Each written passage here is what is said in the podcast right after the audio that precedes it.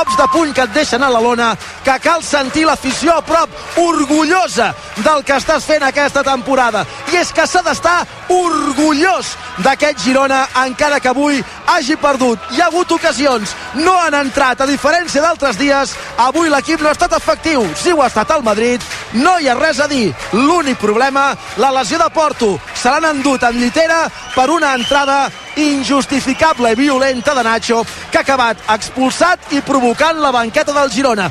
S'acaba el partit, Girona 0, Madrid 3. Primera derrota de la temporada que arriba a 30 de setembre, la vuitena jornada, la qual cosa no està gens malament. El Girona tercer, 19 punts, un per sota del Barça, dos per sota del Real Madrid a la classificació. El pitjor, això sí, és ara saber com està Porto. A veure aquesta entrada... Jo, jo feia temps que no veia una entrada així, eh? Jo, jo realment que la sensació, i a mi m'estranya perquè si hagués d'apostar per algun jugador del Madrid no hagués apostat mai per Nacho però la sensació és que vas a caçar el jugador.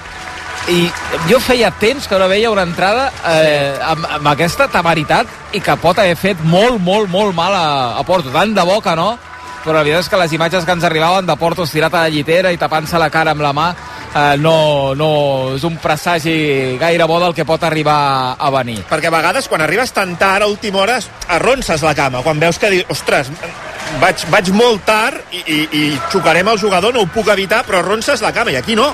Aquí és que ell xoca amb els tacs i, i l'entrada és, és molt dura. Per cert, ara tornava a mirar la triful, que és molt curiós que Couto, que és qui encén a Nacho, o sigui, Couto li diu alguna cosa a Nacho, Nacho és aquí quan... O sigui, Couto es desentén absolutament, o sigui, ell no està enmig de... Diu, ja us ho fareu, i ell acaba fora de, de tot l'enrenou que hi ha hagut a la zona de, de banquetes. No espereu un jugador del Madrid a la tele, no. perquè no atenen a peu de, de camp els jugadors del Madrid, només sortirà Ancelotti a la sala de premsa, en principi serà l'únic que escoltarem a Montilivi, no sé que hi hagi hagut algun canvi d'ordre que no fa pinta a l'equip que presideix Florentino Pérez. Sí que n'hi haurà algun per part del Real Madrid, ai, del, Bar, del Girona, perdó, veiem ara una conversa animada entre Borja García i Lucas Vázquez, que haurien coincidir bueno, no sé on. Sí, el, el Madrid, el alguna Madrid? categoria inferior, sí. suposo. El, el filial, el no? Madrid B. El Madrid, el Madrid B. Sí. El Madrid Castilla. Sí, dues temporades van coincidir, em sembla. Sí, amb aquesta conversa animada entre Borja i Lucas Vázquez ara sobre el terreny de joc i els jugadors del Girona fent aquesta, aquesta volta d'honor, eh? també Miquel, i reconeixent també al públic eh, el suport durant totes aquestes primeres vuit jornades de Lliga.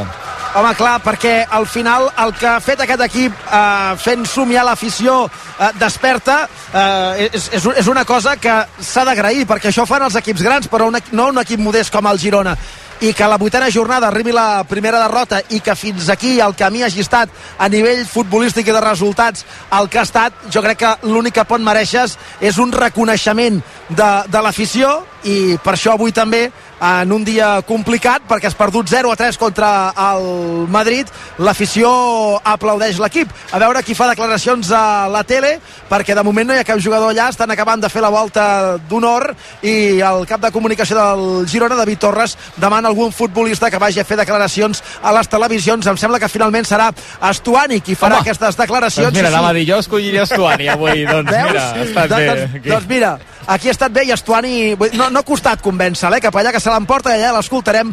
El que sí que espero Lo és que... que... passa en el campo queda en el campo, ja veuràs. Ja, ja, ja, ja veurem, potser, potser sí, aviam si, si li pregunten per això o no li pregunten per això, perquè a Sí, vegades... sí. Sí, vaja, no ho sé, perquè al final, si són entrevistes, diguem-ne que corporatives, a vegades certes coses no existeixen. Ja el tenim allà, Estuani, per fer declaracions. Ara l'escoltarem, el davanter uruguaià, que ha tingut uns quants eh, minuts a la segona part, poca presència, poca, poques pilotes ha tocat Estuani en el tram que ha estat a sobre del terreny de, de joc. Cádiz-Girona la propera jornada, una altra vegada a les dues del migdia, en aquest cas dissabte que ve. Escoltem Estuani a la tele. Yo te voy a preguntar por lo último que ha sucedido, la vuelta que os habéis dado ahora en el campo, agradeciendo a la afición. ¿Cómo de importante es que os apoyen incluso perdiendo? No, la verdad que eh, no podemos hacer menos ¿no? por nuestra gente. Creo que eh, han estado a la, altura del partido porque siempre, bueno, siempre nos están adelantando. La verdad que eso no, no tiene precio. Eh, nosotros intentamos dar muchas alegrías a nuestra afición y la verdad que hoy ha sido la previa una fiesta impresionante el ambiente que ha habido. Le agradecemos enormemente a nuestra gente y obvio que lamentamos no, no haber podido eh, quizás hacer el partido que, que, que hubiéramos querido. Habéis empezado con muchísima intensidad, teniendo Sí. dos ocasiones clarísimas. Eh, no, no sé qué eso os ha pasado por la cabeza cuando habéis encajado esos dos goles del Madrid que han caído como una losa. Sí, creo que, que como tú dices, no hemos tenido eh, dos grandes ocasiones como para ponernos por delante.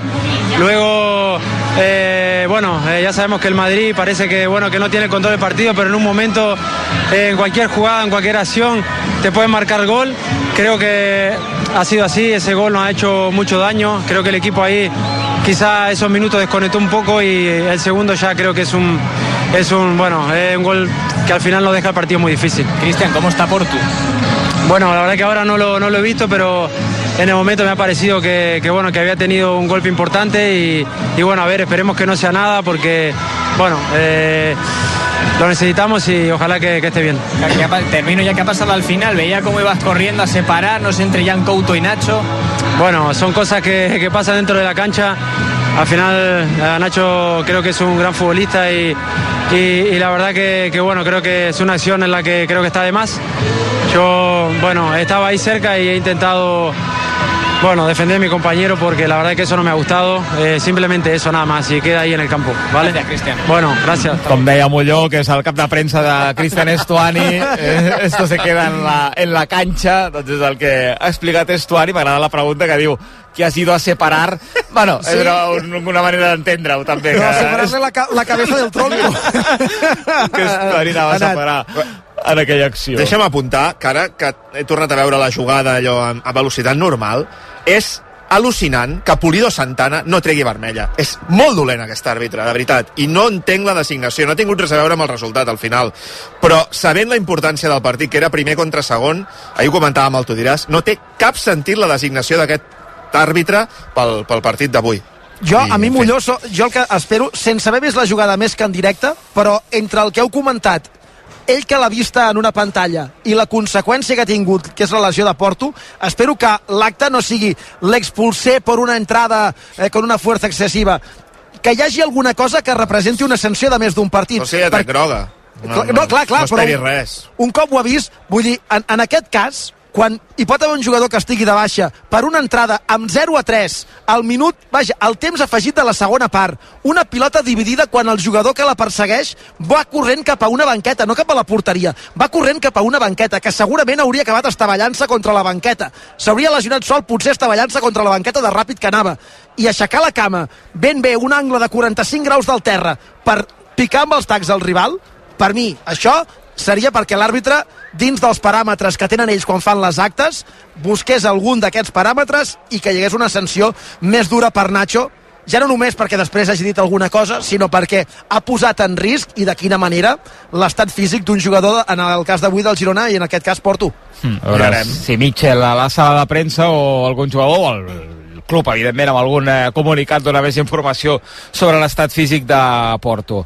Brugui, abans de deixar-te continuar treballant, quina conclusió del que ha passat avui i d'aquest primer tram de temporada, que jo crec que és el que celebrava l'afició ara amb els jugadors quan s'ha acabat el partit. Una mica això el que dèiem, no? que més enllà de- d'aquesta derrota d'avui tots eh, hauríem comprat o signat eh, tenir aquests 19 punts després de, de 8 jornades i avui que el que era una festa s'ha acabat convertint entre cometes en un, en un enterrament eh, pel resultat i també per aquesta última acció entre Nacho i Porto que ho ha embrutit una mica tot perquè el Girona ho ha intentat, ha perdut contra un Madrid que ha estat superior o si més no més contundent, més efectiu a, a les dues àrees i s'han dut els 3 punts. Uh, no és la guerra de, del Girona, uh, i ara tocarà doncs, continuar, mirar si es pot recuperar, tornar a jugar com s'estava fent fins ara a Cádiz, i oblidar aquest partit, passar pàgina ràpida i sobretot eh, que, que això de Porto sigui poca cosa que fa l'efecte que, que no serà així perquè que entri la llitera a la mecànica a la gespa és senyal de, mm, de és mal senyal Sí, és que, és, que és molt lletja. Ada, i entre, i entre professionals deu ser de les... Xavi, Sí. ara se'n va una ambulància sí, sí. de Montilivi. No sé si aquesta ambul... a dins d'aquesta ambulància hi va Porto, però, però ara, ara veiem que hi ha una ambulància que, que enfila la, la carretera eh, que està menys bloquejada, perquè clar, l'accés de Montilivi cap al centre de la ciutat ara està més bloquejat i des d'emportant-se'l eh, cap, a, cap al sud Eh, Cap a Torres de Palau. Exacte, que, pa, direcció. fent, la, fent la volta per, per arribar a algun centre hospitalari en el qual l'examinin. Jo crec que aquí dins d'aquesta ambulància i deu, deu ser Porto. Sí, no, anava a dir-li a Dai que, que entre professionals, entre els que es dediqueu a això, és d'aquelles entrades que jo crec que no enteneu, no? Perquè dius, hosti, 0-3, on vas ara? On vas amb la cama, amb la cama aquí dalt, podent eh, carregar-te la temporada de- d'un tio que és company teu de professió? Sí, sí, d'aquí l'emprenyament de, dels jugadors, d'Estuani, jo crec que mm, no sé, no sé per, per què o en quin sentit, no sé si és que no, no ha medit aquesta, aquesta acció, però és que al final és una jugada que si, si l'acompanyes a córrer, ja està, pot morir allà, o no, però, però amb un 0-3 no, té, no, no té cap sentit.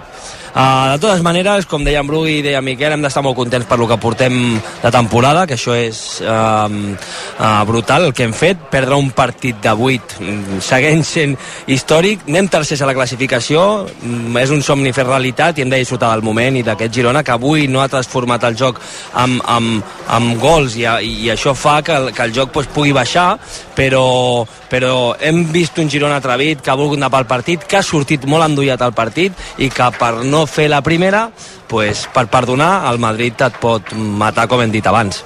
Mm. A veure ara com reacciona l'equip, que és un escenari que segur que el- des de dins del vestidor i el cos tècnic anava contemplant, no?, de, de quan arribi la primera derrota, com es gestiona aquesta, aquesta primera derrota, doncs ara, ara ho sabrem amb aquesta setmana que tindrà el Girona fins dissabte que, que viatgi a Cádiz. Bé, la, la reacció, no, Adai, veurem quina reacció té, té l'equip eh, de, de cara. Ara que es troba en un context diferent i que no, i que no s'havia experimentat encara eh, per anar a Cádiz, que ja sabem per experiència de les últimes temporades, no només la passada, que és un lloc que és una illa amb unes ventades molt perilloses i a les quals passen coses estranyes, però eh, sí, en aquest escenari no com reacciona l'equip en un partit que també serà exigent, de manera diferent però serà exigent. Jo crec és un partit fora de casa i que sempre qualsevol rival és, és difícil d'afrontar, però jo crec que l'equip té, encara que hagi perdut avui, té la confiança molt alta, venim d'una setmana de tres partits, sis punts, uh, ostres, uh, com deia en Brugui, això ho firmaríem segurament des de principi de temporada i al final perds contra el Madrid, que si, ja, si agafes el calendari a principi de temporada, lo normal és, dir, és dir, bueno, Madrid, Barça, aquests equips, molt difícil guanyar, encara que sigui el teu camp, i nosaltres hem arribat en aquest partit amb la sensació, sobretot de la gent, de que, de que podíem guanyar i de que volíem guanyar, que això és molt important. Llavors, bueno, uh, veurem quins jugadors tenim disponibles, perquè això d'Emporto ha sigut uh, uh, pues una... Una desgràcia, ens ha deixat, desgràcia, eh, no? perquè no, no sabem què, també, què, què, és el que té, perquè, perquè marxi d'aquesta manera pues és una desgràcia, i, i veurem en quina condició estan tots els jugadors físicament. Jo crec que mentalment estem en una situació molt bona, en Mitchell ho sap, el jugador ho sap, i hem d'anar a afrontar el partit com tots els altres, a guanyar. Brugui, llegim demà el diari de Girona. De tant en tant també s'ha d'escriure d'una derrota. No et pensaves que tot eh, seria una victòria rere, rere una altra. Em sembla que he escrit més sobre derrotes que victòries. No, però si és una derrota cada 8 partits, en serien 4 en tota la temporada. Oh, exacte, ja, també t'ho signo, vinga, va. Va, no, Vinga, ho aquí, signa aquí, tot. aquí m'hi trobaries, eh? El Hombre. signador uh, oficial.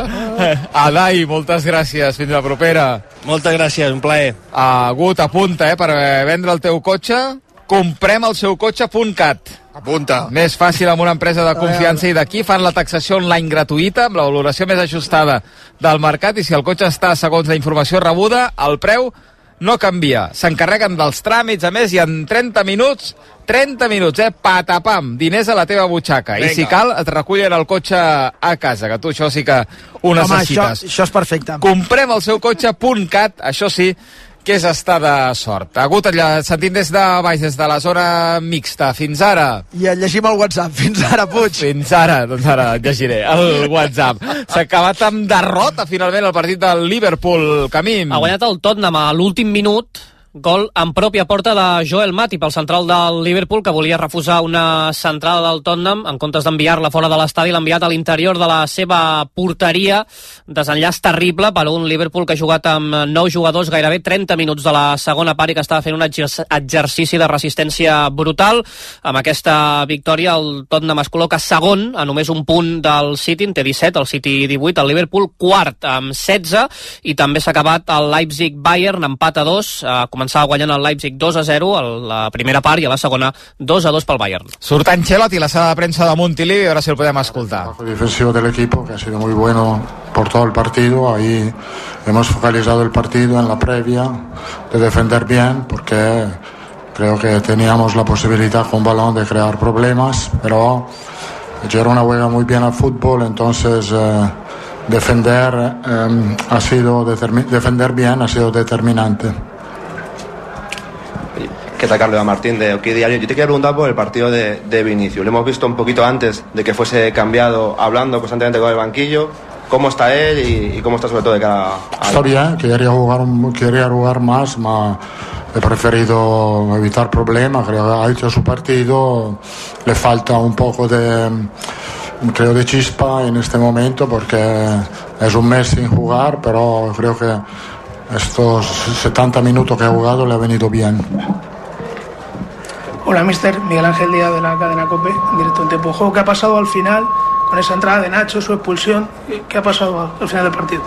Sí, una falta de lucidez de Nacho, que habitualmente es un jugador muy correcto. Se podía evitar, lo sentimos, eh, él ha pedido disculpas y no sea nada serio para el jugador del, eh, del um, Girona. ¿Qué tal, Carlos? Muy buenas. Fernando Burros en directo para el Radio Estadio Noche. Eh, te quería preguntar por la variación táctica que has puesto seis días después de lo que pasó en el derby. No hemos visto a Bellingham de enganche, le hemos visto más pegado a la banda, más ayudando, más de interior, mejor dicho, más ayudando a sus compañeros de medio campo, también al lateral.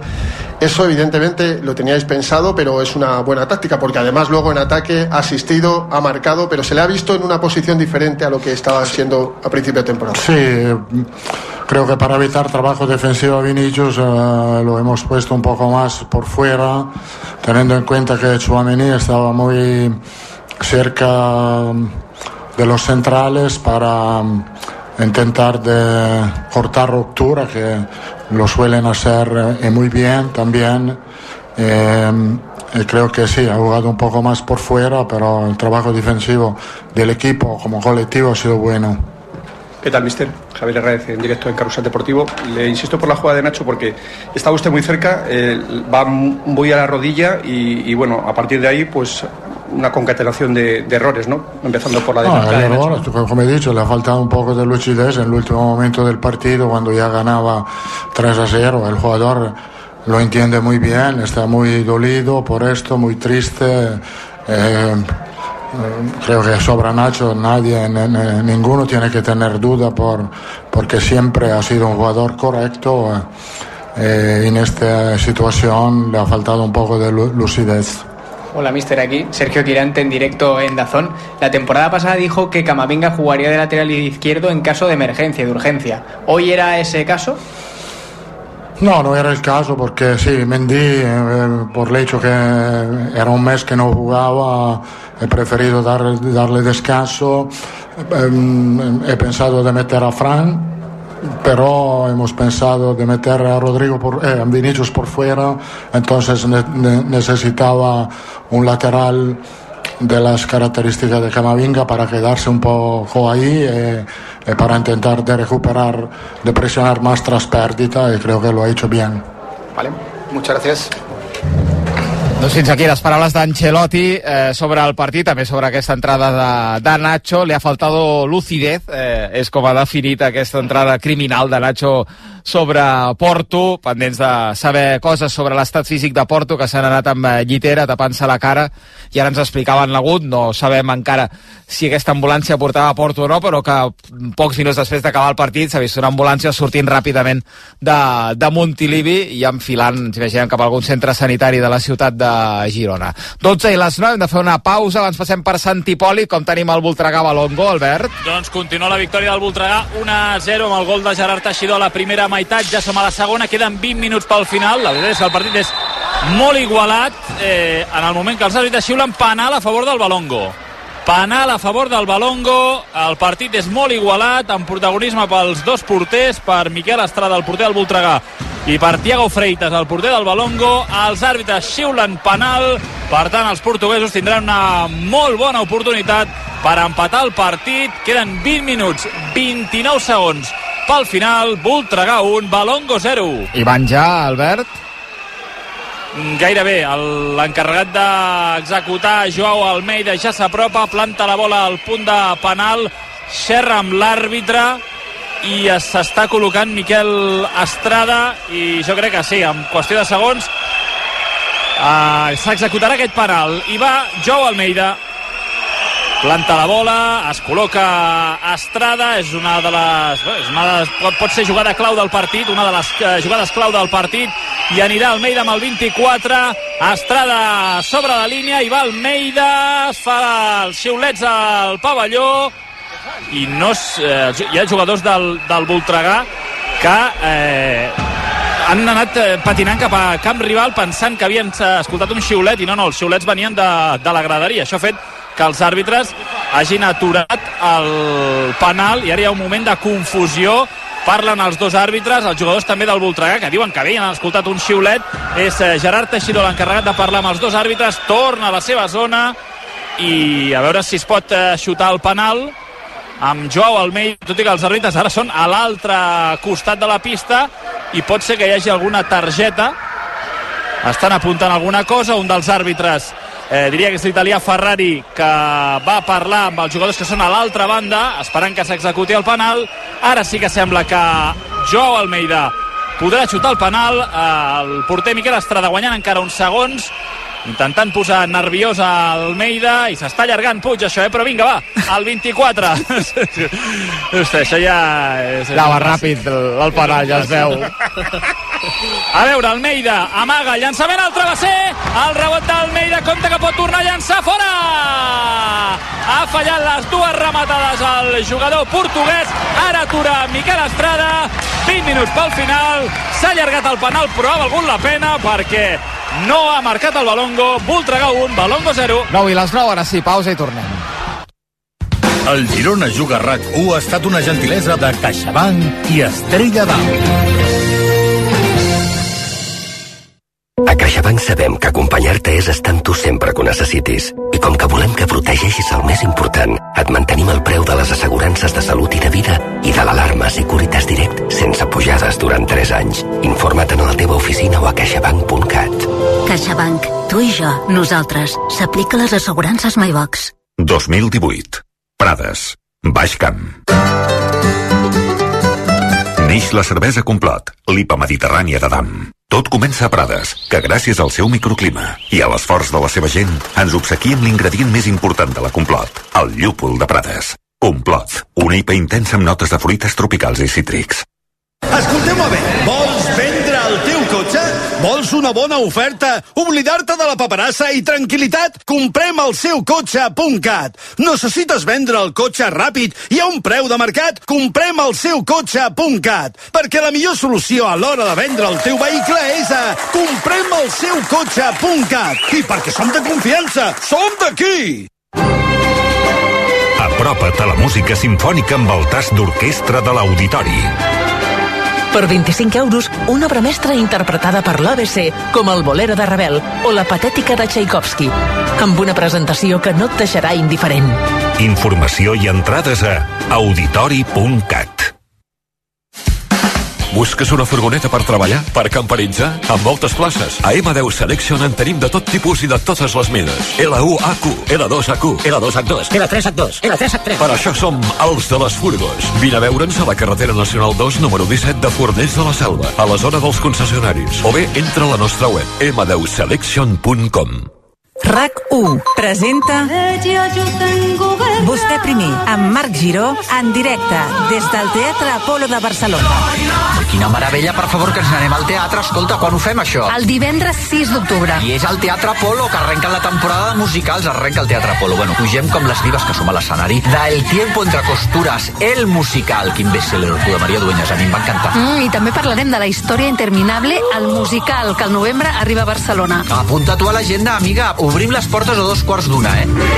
El divendres 6 d'octubre, vostè primer, amb Marc Giró, en directe des del Teatre Apolo de Barcelona. I entre els que vingueu a veure el programa sortejarem entrades per la funció d'aquell dia del Tiempo entre costures, el musical. RAC 1. Tots som 1. Superesports amb Xavi Puig. 6 minuts i les 9 de la nit, el Girona que ha perdut 0 a 3 contra el Real Madrid, pendents ara de l'estat físic de Porto, després d'una entrada molt dura de Nacho, que ha suposat l'expulsió perquè el bar li ha dit a l'àrbitre, que és veritat que cada cop que veus una eh, jugada una altra vegada repetida, és increïble que Polito Santana no li hagi mostrat targeta vermella directament ja al central del Real Madrid, i esperant Mitchell agut a la sala de premsa de Girona. Agut, ets per aquí? Un dos, ara el provem. El Miquel Agut, a veure si el recuperem. Mitchell no el tenim, eh, però, a la sala de premsa, ara mateix, eh, Dani, no, no està parlant ningú a la sala de premsa de, del Girona. Doncs ara, quan aparegui Mitchell, escoltarem l'entrenador del eh, Girona. És a punt d'arrencar l'últim partit de dissabte de primera divisió a Noeta, un Reial Societat Atlètic de Bilbao. Quins 11 es treuen els uns i els altres? Molló, quin 11 treu el Guacil per intentar derrotar l'Atlètic Club? Sí, per mantenir aquesta ratxa de sis partits consecutius al Real Arena, o vaja, des del 2017 sense perdre eh, contra l'Atlètic Club en el duel basc. Amb Remiro a la porteria, en principi un 4-3-3, veurem si acaba sent un 4-4-2, situem un 4-3-3 d'entrada, Remiro a la porteria, amb Traoré, Zubeldia, Lenormand i Tierney en defensa, Zubimendi, Merino i Brais Méndez al mig del camp, Take Kubo, Sadik i Barrenetxe en punta. I quin 11 treu l'Atlètic Club, quin 11 treu Valverde per intentar derrotar la Reial? Aquí no tenim dubtes, 4-2-3-1, torna directament a la titularitat Nico Williams, després de lesionar-se amb la selecció espanyola. Unai Simón a la porteria, en defensa de dreta-esquerra, De Marcos, Vivian, Gerai i Yuri, doble pivot, Ander Herrera i Dani García, les mitges puntes de dreta-esquerra, Iñaki Williams, Muniain, que substitueix el sancionat Sancet, i Nico Williams, i l'home més avançat és Guruceta. Hola, Carlos Martínez, bona nit. Hola, bona nit. T'està agradant més un que l'altre del que ja has vist en aquest inici de temporada entre la Reial i l'Atlètic Club o no? Crec que la Reial no ha tingut un, un calendari fàcil d'inici. Sí que és veritat que no estan en un moment de joc tan brillant com potser era l'any passat, però encara i així crec que és un equip que és molt resolutiu i que, i que anirà creixent a mesura que passin les jornades. Veurem quina factura li passa al jugar Champions i amb un grup tan exigent en el que no hi ha partits fàcils i sí que és veritat que l'Atlètic Club m'està agradant, m'està agradant. Avui té baixes sensibles, ja no només la de Sancet que tots coneixem, sinó que Ruiz de Galarreta, que estava sent un jugador important, al final del doble pivot i el mitja punta que comença la temporada, que eren Vesga, Ruiz de Galarreta i, i Sancet, avui no juga ningú, és veritat que recuperen Ander Herrera, que per mi és un jugador que si està bé ha de ser absolutament diferencial en la plantilla de l'Atlètic Club i recuperen un Nico Williams que estava sent important fins que es va lesionar amb la selecció. Home, jo crec el que espero sobretot és un partit com qualsevol derbi basc, amb molt de ritme, amb molt agressiu en l'inici, i quan dic agressiu dic en el bon sentit de la paraula, eh? de, de, agressius però nobles, no? de, de, de xocar, d'anar fort, de que, de que hi hagin moltes situacions de, de pressió contra un, i, i crec que, que, que veurem un bon partit. Ja dic, per, potser, per, per la pregunta que em feies, m'ha agradat més en aquest inici l'Atlètic Club, encara que de vegades no li hagi acompanyat el resultat, però sí que s'ha tornat a veure un Atlètic Club del que coneixíem, i ha trobat I... gol, eh? que semblava Sí. que era la seva signatura i Sí, vaja, ha fet potser- 13 gols en aquest sí. inici de temporada. Potser Guruceta no és un golejador tal i com l'entenem sempre per Filaduriz, però sí que els està donant un punt de joc combinatiu, un de joc d'esquenes, de descàrregues, que els està venint molt bé a la segona línia per fer gols. I la Real, el que dèiem, al final és un equip que sense haver trobat una línia de joc tan bona com l'any passat, però al final té jugadors molt resolutius i que, bueno, ho vam veure fa dues setmanes al Bernabéu, que va posar en, en dificultats serioses al Madrid. Veurem si la disposició tàctica de la Real és, al final, el que dèiem, el 4-3-3, el 4-4-2 en línia, el, el rombo, al final, i Manol li agrada jugar amb aquestes coses, i com té jugadors molt versàtils, eh, veurem com comença. Mm, Amb una plaça Champions en joc ara mateix, de, de posició Champions, d'aquesta quarta posició i aquesta imatge tan habitual dels derbis bascos, sigui a Noeta o sigui a Sant Mamés, de l'afició junta del cosí amb el seu cosí de l'Atlètic Club, amb el cosí de la Reial, l'amic de la facultat amb la samarreta de la Reial i l'altre amb la samarreta de l'Atlètic Club, i això esperem que no es perdi per moltes temporades que, que vagin passant. Deia ahir la prèvia, i segurament ja estic d'acord, Ernesto Valverde, que en aquest sentit és el duel de màxima rivalitat, perquè no és derbi, però és duel de màxima rivalitat mm, millor, de, com a mínim, de la Lliga Espanyola. Que, que poden estar això, aficionats de costat, eh, tranquil·lament, i això, mm, vaja, mm, si no em corregiu, no passa en cap altre No, no, jo, duel. jo he tingut la sort de veure en directe el derbi, perdona, l'Atlètic Real Societat tant a, no, a, tant a Noeta o al Real Arena ara com a Sant Mamés i amb diferència és el que millor ambient he viscut mai. Sí, perquè Barça-Espanyol, impossible. Sí, sí. poder, Madrid-Barça, poder compartir impossible. les dues samarretes a, la- Sí. a l'estadi, Madrid-Barça tampoc, Sevilla-Betis tampoc, Atlètic de Madrid-Real Madrid tampoc. No, no, és que és l'únic, jo crec. No, però per exemple el derbi andalús, quan el vius com a local, és absolutament brutal. Quan el vius com a local és absolutament brutal, però quan el vius com a visitant també és dur, eh, de Sí, viure. en l'altre sentit. És I- brutal i- per l'altre sentit. Exacte, però ja et dic jo, la comunió que es viu entre aficions en, en l'Atlètic de Bilbao Real Ciutat, o a l'inrevés, és, mm, per mi, incomparable a qualsevol altre camp d'Espanya. Mosaic xulo, eh?